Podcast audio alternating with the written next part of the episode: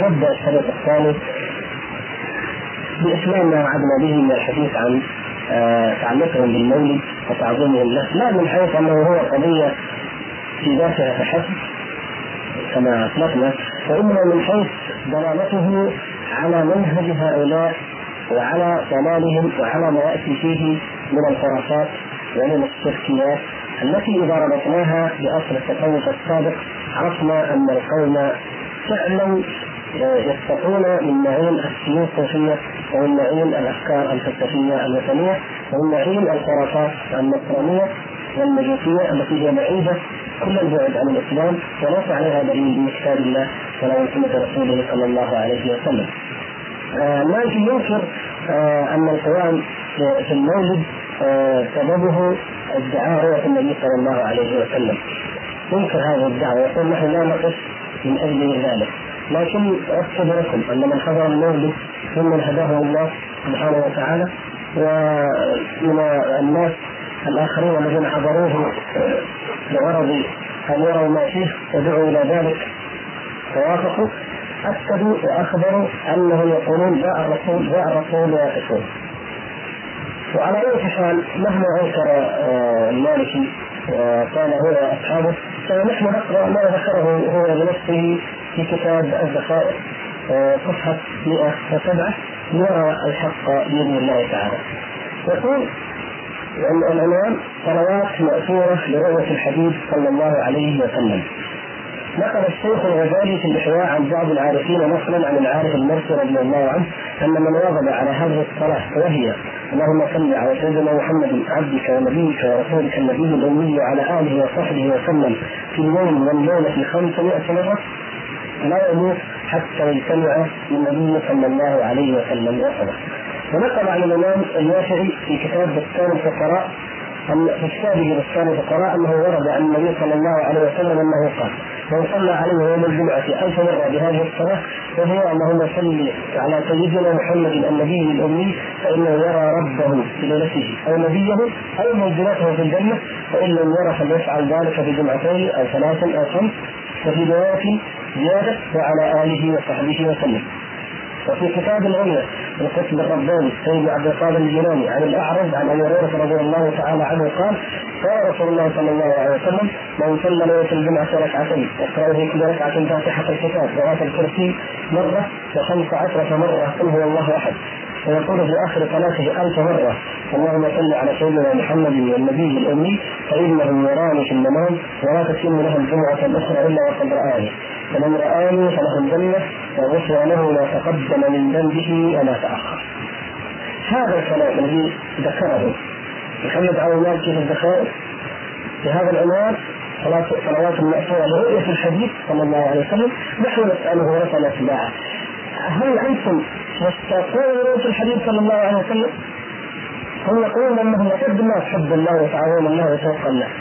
أيضا نسالهم سؤال آخر، هل أنتم ممن يعمل بما يعلم ويقول نعم نحن كل شيء نراه من السنة ومن العلم نعمل به فنقول لابد انكم عملتم بهذا الكلام أنتم مشتاقون الرسول بفعلكم وتعملون بما تعلمون تعلمون وتكتبون فلا بد انكم عملتم بهذا ولذلك الذي يدخل معهم والذي يتقرب اليهم والذي يقدسهم ويبجلهم بما يفعل ذلك اعتقادا أنهم عملوا هذه الصلوات فحصلت لهم الرؤية فما يصدر عنهم من أقوال أو أعمال أو نصائح أو بشوره فليس من عند ذاتهم وإنما في امكانهم ان يأخذوه عن النبي صلى الله عليه وسلم مباشرة.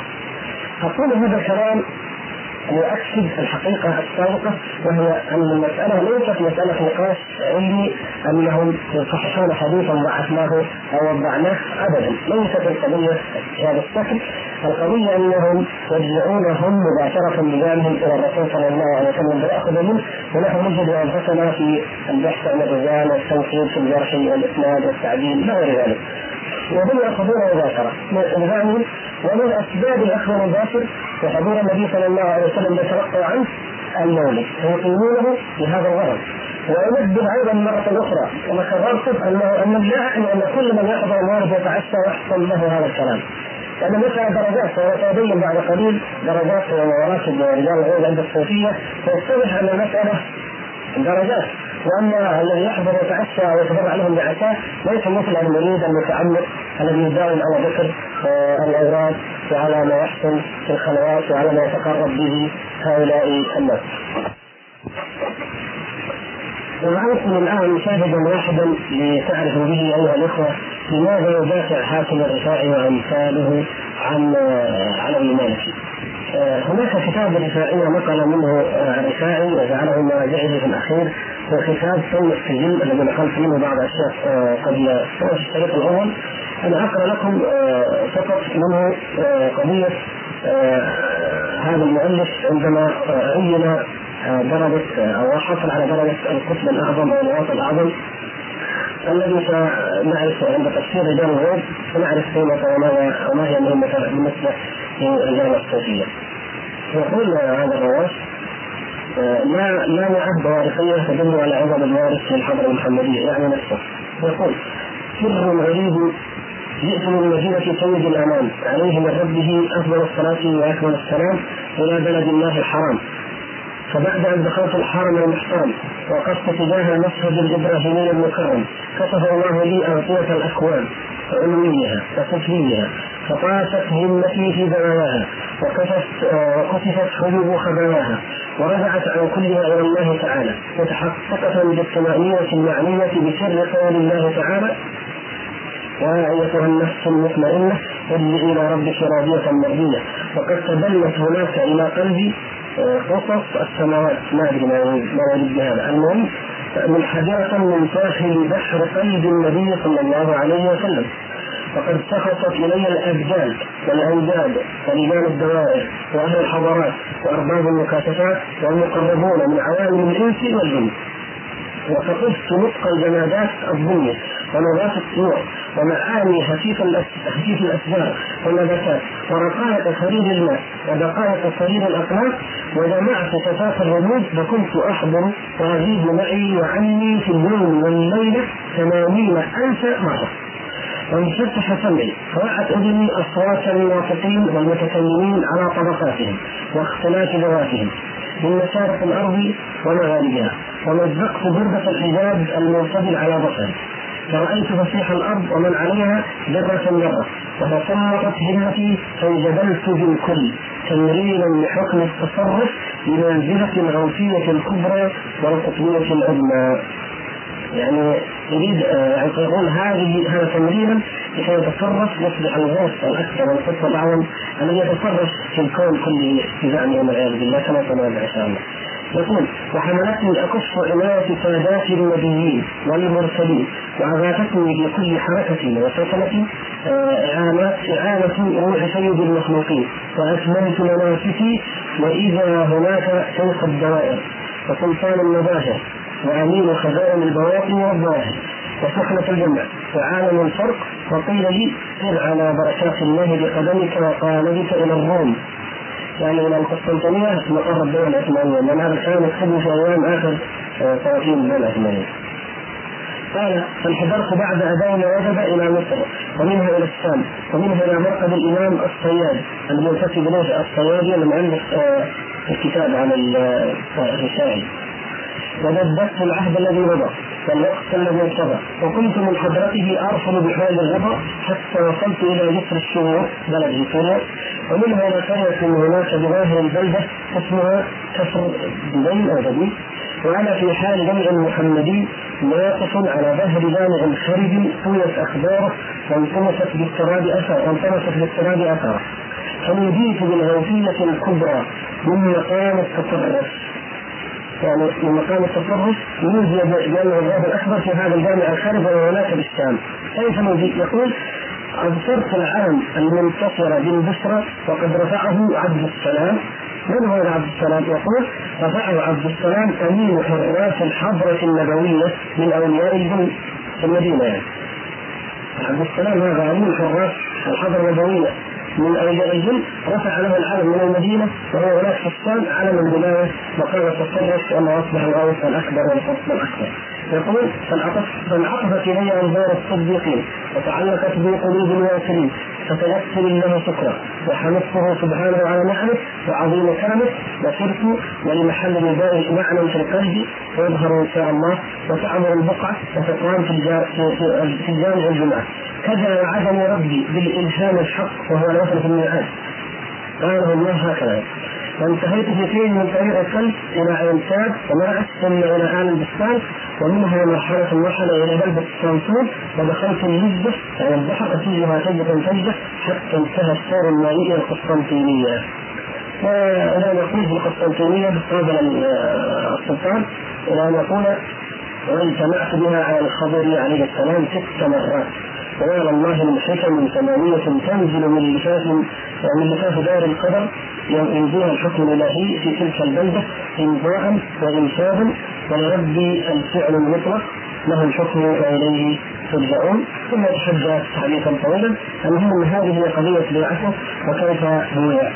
وهذا الرفاعي قول ينقل عنه هاشم الرفاعي كما قلنا ويؤيد كلام المالكي. فاذا ما نستغرب منه ان يؤيد ما ما يتعلق برواته النبي صلى الله عليه وسلم ومخاطبتهم له وهذا فيصح الراس حضرتهم الهم يرفع الولايه وهو أيضا كما يقول يبشر هذا الرجل بالولايه الكبرى بل إن الله كما اخبر اشار بذلك بان هذا الجامع الخرب الذي عين بيع فيه بالفتويه العظمى والولايه الكبرى سوف يعمل. هذه من الأمثلة كثيرة جدا لكن لا اريد أن استغرق فيها لأن نريد ان ننتقل إلى موضوع آه، أكثر موضوع أكثر تفصيلا وهو حقيقة سلم الترقي عند الصوفية. كيف يترقون؟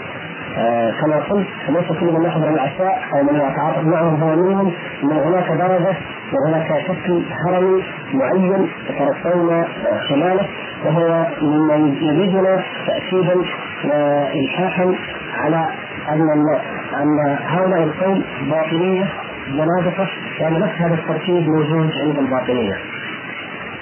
آه نقول إن اقسام الطريق عند الصوفية هي آه أربعة أو خمسة ان اردنا افتتاحات. الأول هو الشيخ وهذا الشيخ أو المرشد كما يسمونه هذا الركن الاساسي عندهم ولا بد ان يرتبط أن يرتبط الإنسان بشيخ بل في كتاب تربيه الاولاد الذي الشيخ عبد الله عنوان الفه يقول لابد أن يرتبط يربط الطفل بشيخ وهذا من آثار التصوف فعنده لابد أن يرتبط به ولا بد أن يسير على نهج وأن يقتدي به وأن يسلم له بالكلية كما عبر أبو حامد الغزالي وعبر غيره أن يكون عند الشيخ كالميت بين يدي الغاسل لا تصرف له على الإطلاق.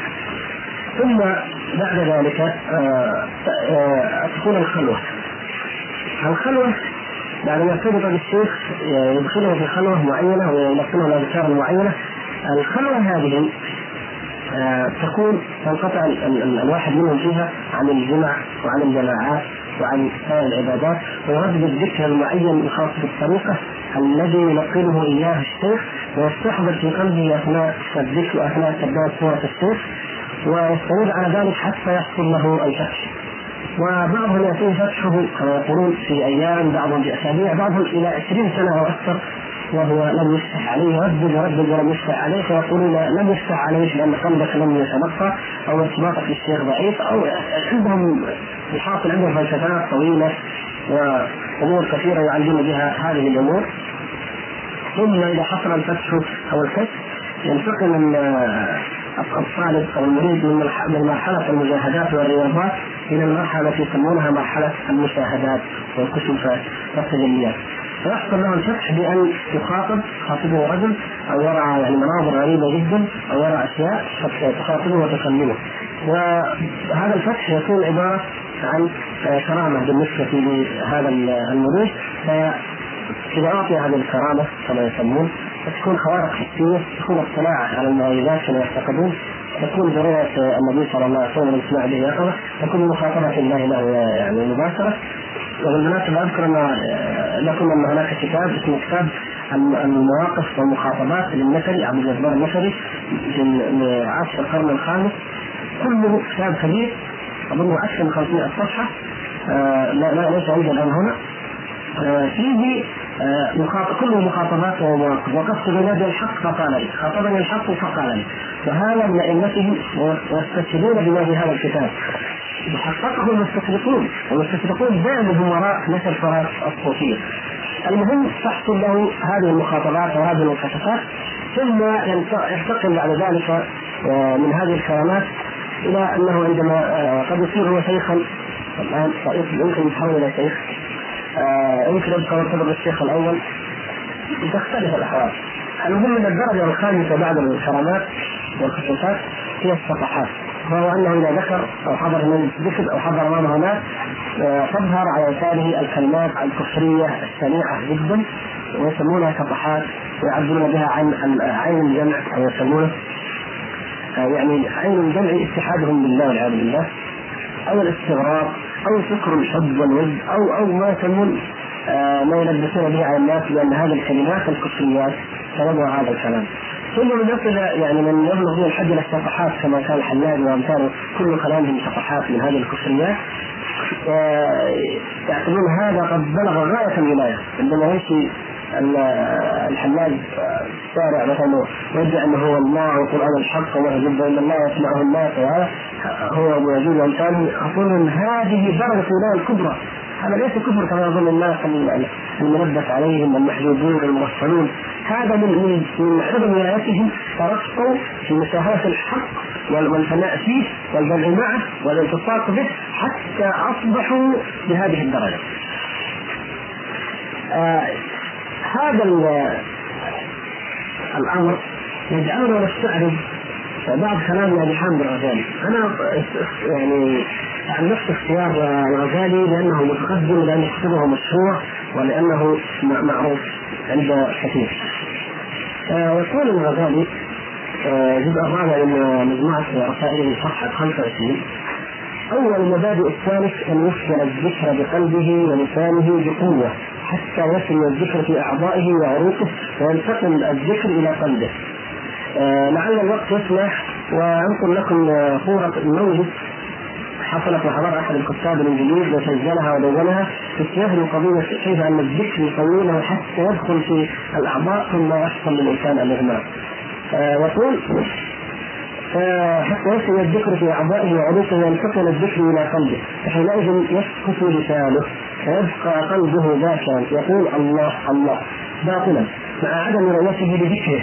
ثم يسكن قلبه ويبقى ملاحظا لمطلوبه مستغرقا به معكوفا عليه مشغوفا إليه مشاهدا له. هذه درجة المشاهدة. يعني يذكر الله كما كما يزعمون حتى يصل إلى مرحلة المشاهدة. ولا تعجب من قوله يسكت حتى عن الذكر باللسان ثم حتى عن الذكر بالقلب لأن الغزالي يذكر في الإحياء. يقول لا ينبغي للمريد في أثناء الخلوة أن ان يسمع نفسه لا بتفسير ولا بحديث يذكر هذا عن الصوفية لا عن نفسه فقط. أنه يقول لا ينبغي أن يسمع نفسه لا بتفسير ولا بحديث ولا بقرآن ولا بعلم. بل يتفرغ للذكر فقط الله الله أو هو هو هو باللسان والقلب والأعضاء ثم يترك اللسان إلى القلب ثم يترك القلب فيصل إلى المشاهدة.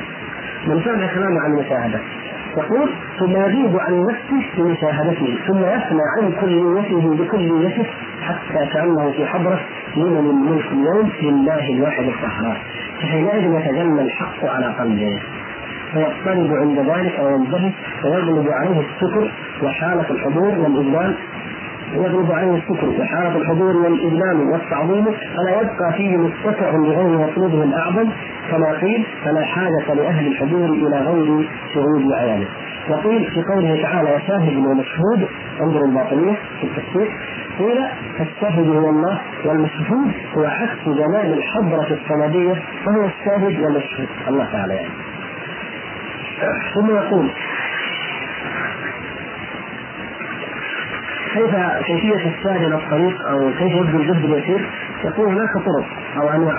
الأول تقديم الغذاء بالتدريج فإن مدد الوجود والنفس والشيطان من الغذاء فإذا قل الغذاء قل سلطانه وهذا هو الذي يستعملها سحرة الهند وهي التي تنقله إلى مرحلة المال الطويله، أي إنسان يجوع لايام طويلة يصبح يرى يعني يهلوس ويهوس ويرى مثل هذه الأشياء، لكن هم يعتبرون أنها كشوفات إلهية وتجليات ربانية والعياذ بالله. هذا الأول، الثاني الاختيار، ترك الاختيار وإفناؤه يعني يفني نفسه وينسى نفسه في اختيار شيخ مأمون ليختار له ما يصلحه. فإنه يعني المريد فإنه مثل الطفل والصبي الذي لم يبلغ مبلغ الرجال أو السفيد مبذر وكل هؤلاء لا بد لهم من وصي أو ولي أو قاض أو سلطان يتولى أمرهم. المريد يكون مثل هذه الحالة. ولذلك قلت ان الإنسان يخلع عقله ويخلع علمه ويخلع كل شيء عندما يريد أن يدخل إلى عالم الصوفية. يسلم كل شيء للشيخ ولا يحتوض عليه بأي شيء. آه الطريق الثالث يقول من الطرق طريقة الجنيد قدس الله روحه. وهو ثمان فرائض. دوام الوضوء ودوام الصوم ودوام السكوت ودوام الخلوة ودوام الذكر وهو قول لا إله إلا الله ودوام ربط القلب بالشيخ واستفادة علم الواقعات منه بثناء تصرفه في تصرف الشيخ. ودوام نفس الخواطر ودوام ترك الاعتراض على الله تعالى في كل ما يرد منه عليه. ضرا كان أو نفعا الجبرية المطلقه الاستكانة المطلقة. يقولون الآن آه، أصبحت منفعلا لما تختاره مني ففعلي كله طاعات يجب ذلك وما يتصرف فيه الله فهو الفعل وهو الطاعة. آه، كما قلنا الآن هذا في الخلوة وقد ترك الجمعة والجماعة والعبادات. آه، إذا يقول آه، يعني ترك الاعتراض على الله تعالى في كل ما يرد منه عليه ضرا كان أو نفعا وترك السؤال عنه من جنة أو تعوذ من نار ويترك يعني يحذر في هذه الحالة أن يسأل الله الجنة أو يتعوذ به من النار. لاحظتم؟ لاحظتم هذا الربط بما ذكره محمد علي مالكي في كلامه السابق آه، مقولاته السابقة وما آه، ذكرناه هناك. من انهم لا يسالون الله الجنه ولا يستعيذون به من النار. يعتبرون أنه لو سأل الله الجنه تلك اللحظه واستعاذ به من النار تفرق جمعيته. يعني آه، تفتت قلبه ولا يمكن أن يعود إلا بان يبدا الخلوة من أولها يبدا الاذكار من أولها حتى يجتمع قلبه على المحبوب وحده فقط فلا ينظر إلى جنه ولا إلى نار ولا إلى أي شيء. هذا إلى حد إلى حد هنا هذا هو مقام المشاهدة. هناك مقام المشاهدة. آه يحدد الغزالي يقول أن الإنسان الآن عندما ينتقل من مقام المشاهدة إلى مقام المكاشفة تظهر امامه الصور تبدأ الصور تظهر أمامه فيقول له كيف تفرق بين الصور كيف تعرف حقائقها يقول استمر كلامه صفحة 26 والفرق بين الوجود والنفس والشيطان في مقام المشاهدة أن الوجود شديد الظلمه في الأول. يعني ترى شيء مظلم جدا فإذا طفى قليلا تشكل قدامك بشكل الغيم الاسود فإذا كان عرش آه، إذا كان هذا متشكل عرش الشيطان كان أحمر. فإذا صلح وسوت آه، الحدود منه وبقي الحقوق صفى وابيض مثل المزن. هذا هذا الوجود والنفس إذا بدت فلونها لون السماء. ويقول لا لابد أن تنسلخ من الوجود ومن النفس ومن الشيطان. الآن الوجود عرفنا انه يكون كالغيم الأسود. طيب النفس يقول والنفس إذا بدت فلونها لون السماء وهي الزرقاء. ولها نبعان كنبعان الماء من أصل الينبوع فإذا كانت عرش الشيطان النفس فكأنها عين من ظلمة ونار. ويكون نبعها أقل. فإن الشيطان لا خير فيه وفيضان النفس على الوجود وتربيته منها وتربيته منها يعني فإن صفت وزكت أفاضت عليه الخير كما نبت منه. فإن أفاضت عليه الشر فكذلك ينبت منه الشر. طيب هذا عرف الوجود وعرف النفس. كيف نعرف الشيطان؟ يعني نريدها في الخلوة لحالة الانتقال من مقام المشاهدة إلى مقام المكاشفة كيف يرى؟ الشيطان ويعرفه؟ يقول الشيطان نار غير صافية ممتزجة بظلمات الكفر في هيئة عظيمة. فقد يتشكل قدامك كأنه زوجي آه، كأنه زوجي طويل ذو هيبة يسعى كأنه يطلب الدخول فيك إذا طلبت منه الانتكاك فقل في قلبك يا غياث المستغيثين أغثنا فإنه يفر عنك. انتهى كلام الغزالي صفحه 27 من الجزء الرابع. في هذه المرحلة يعني التخلص من النفس ومن الوجود يلتحم بالوجود الكلي المطلق عندهم ومن الشيطان الذي يأتيه كما يقول في صورة بيجي أسود طويل يريد أن يدخل فيه. هذه يقول آه هذا آه المرحلة من مقام المشاهدة. هذا وعد المريدين يرون هذه الصور ويرون هذه الخيالات وهذه ما هي إلا بعض من خرافاتهم لو أننا آه، نملك وقتا اطول لقلنا كثير جدا من أمثال هذه الرؤى التي يرونها ليصلوا وينتقلوا من مقام المشاهدة إلى مقام المكاشفه والتي بعدها بعد المكاشفه يرون الرسول صلى الله عليه وسلم يرون الله يرون الحقائق كلها. لكن على كل حال من لم يمر بهذا الشيء لا يمكن أن يحصل له آه ذلك.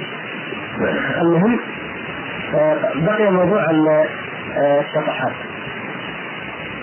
عندما ينتقل الإنسان إلى مقام المكاشفة يبدأ تبدأ عنده آه، يتعمق في الكرامات والكشوفات آه، يصل إلى درجة الشطحات. نقول ننقل عن الغزالي أيضا كما الاشياء التي ذكرتها يقول الغزالي صفحة 19 من الجزء الثاني العارفون بعد العروج إلى سماء الحقيقة اتفقوا على أنهم لم يروا في الوجود إلا الواحد الحق. سبحانه يعني الله فقط لا ليس في الوجود إلا هو. لكن منهم من كان له هذه الحالة ارسالا علميا ومنهم من صار له ذوقا وحالا ينتهت عنهم الكثره بالكلية واستغرقوا بالفردانيه المحضه فاستهوت فيها عقولهم فصاروا كالمبهوتين فيه ولم يبق فيهم متسع لذكر أو لذكر غير الله ولا لذكر أنفسهم أيضا فلم يبق عندهم إلا الله فسكروا سكرا وقع دونه سلطان عقولهم. فقال بعضهم أنا الحق حلاج وقال الآخر سبحاني ما اعظم شاني ابي يزيد ذهب وقال ما في الجبه إلا الله. وكلام العشاق في حال السكر يطوى ولا يحكى فلما خف عنهم سكرهم وردوا إلى سلطان العقل الذي هو ميزان الله بأرضه عرفوا أن ذلك لم يكن حقيقة الاتحاد بل يشبه الاتحاد. يعني لو نقرأ أن بعض الصوفية يقول أن الحلاج استحق القتل لماذا؟ يقول أنه باح بالسر قبل أن يصل إلى الدرجة العليا، الحلاج لم لم يصل إلى حقيقة الاتحاد عندهم.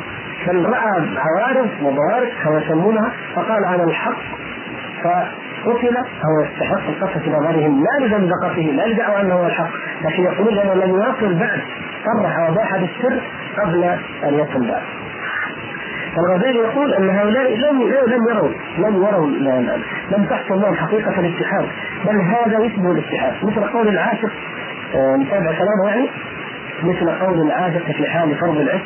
أنا من أهوى ومن أهوى أنا نحن روحان حللنا بدلا وهذا من ذات حلال آه، فلا يبعد أن يبدا الإنسان آه، مرآة مرآة فينظر فيها ولم يرى المرآة فقط. فيظن أن الصورة التي رآها في المرآة هي صورة المرآة مستحية بها.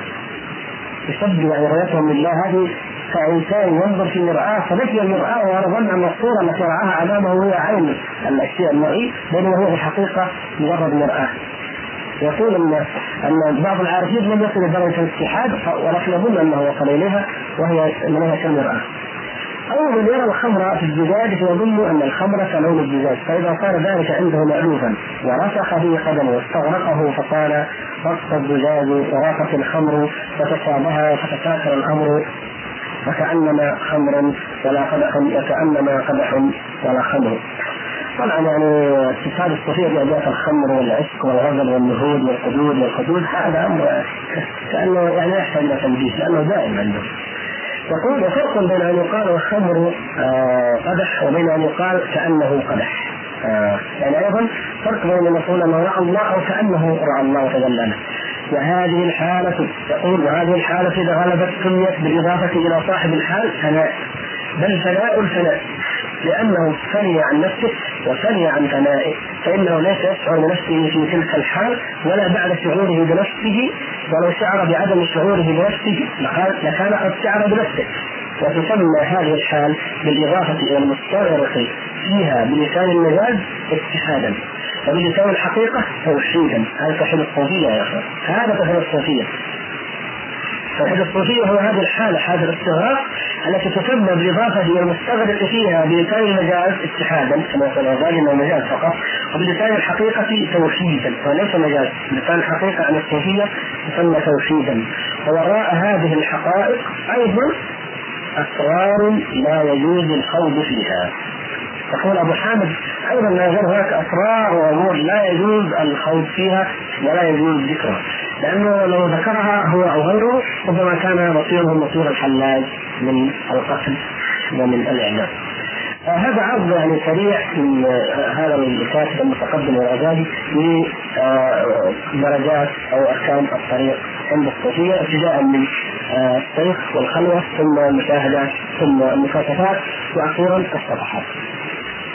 بعد ذلك يصبح الإنسان عندهم من رجال الغيب. آه رجال الغيب هؤلاء هم كما يزعمون الأولياء هم آه، الذين يتصرفون في الكون ويتحكمون في كل صغيرة وكبيرة كما سيأتي في النماذج التي نذكرها عنهم. أعظم رجال الغيب عندهم هو القطب الأعظم أو قطب الوجود أو الغوث الأعظم أو واحد الزمان هذا أسماء متقاربه آه، هناك حقيقة فلسفية ثابتة وأكثر الباحثين المعاصرين ذكروها ونقلوها ومن قبلهم أيضا أن آه، أصل فكرة القطب الأعظم عند الصوفيه هي العقل المطلق عند افلاطون. آه، افلاطون كما ذكر سيد قطب رحمه الله في اختصاص قول الإسلام في فصل الواقعية نقلا على ما اعتقد عن العقاد إنما سيد ذكرها صفحة 166 والعقاد ذكر ذلك في عقاد المفكرين المهم أن افلاطون يقول إن الله كامل ولا يصدر عنه الشر. والعالم ناقص فالشر فيه كثير. ولا يليق بالكامل أن يفكر في الناقص ولا يليق بالله أن يكون هذا الشر منه. فلا بد من تقدير واسطة بين الله والعالم. تكون هي المتصرفه في الكون.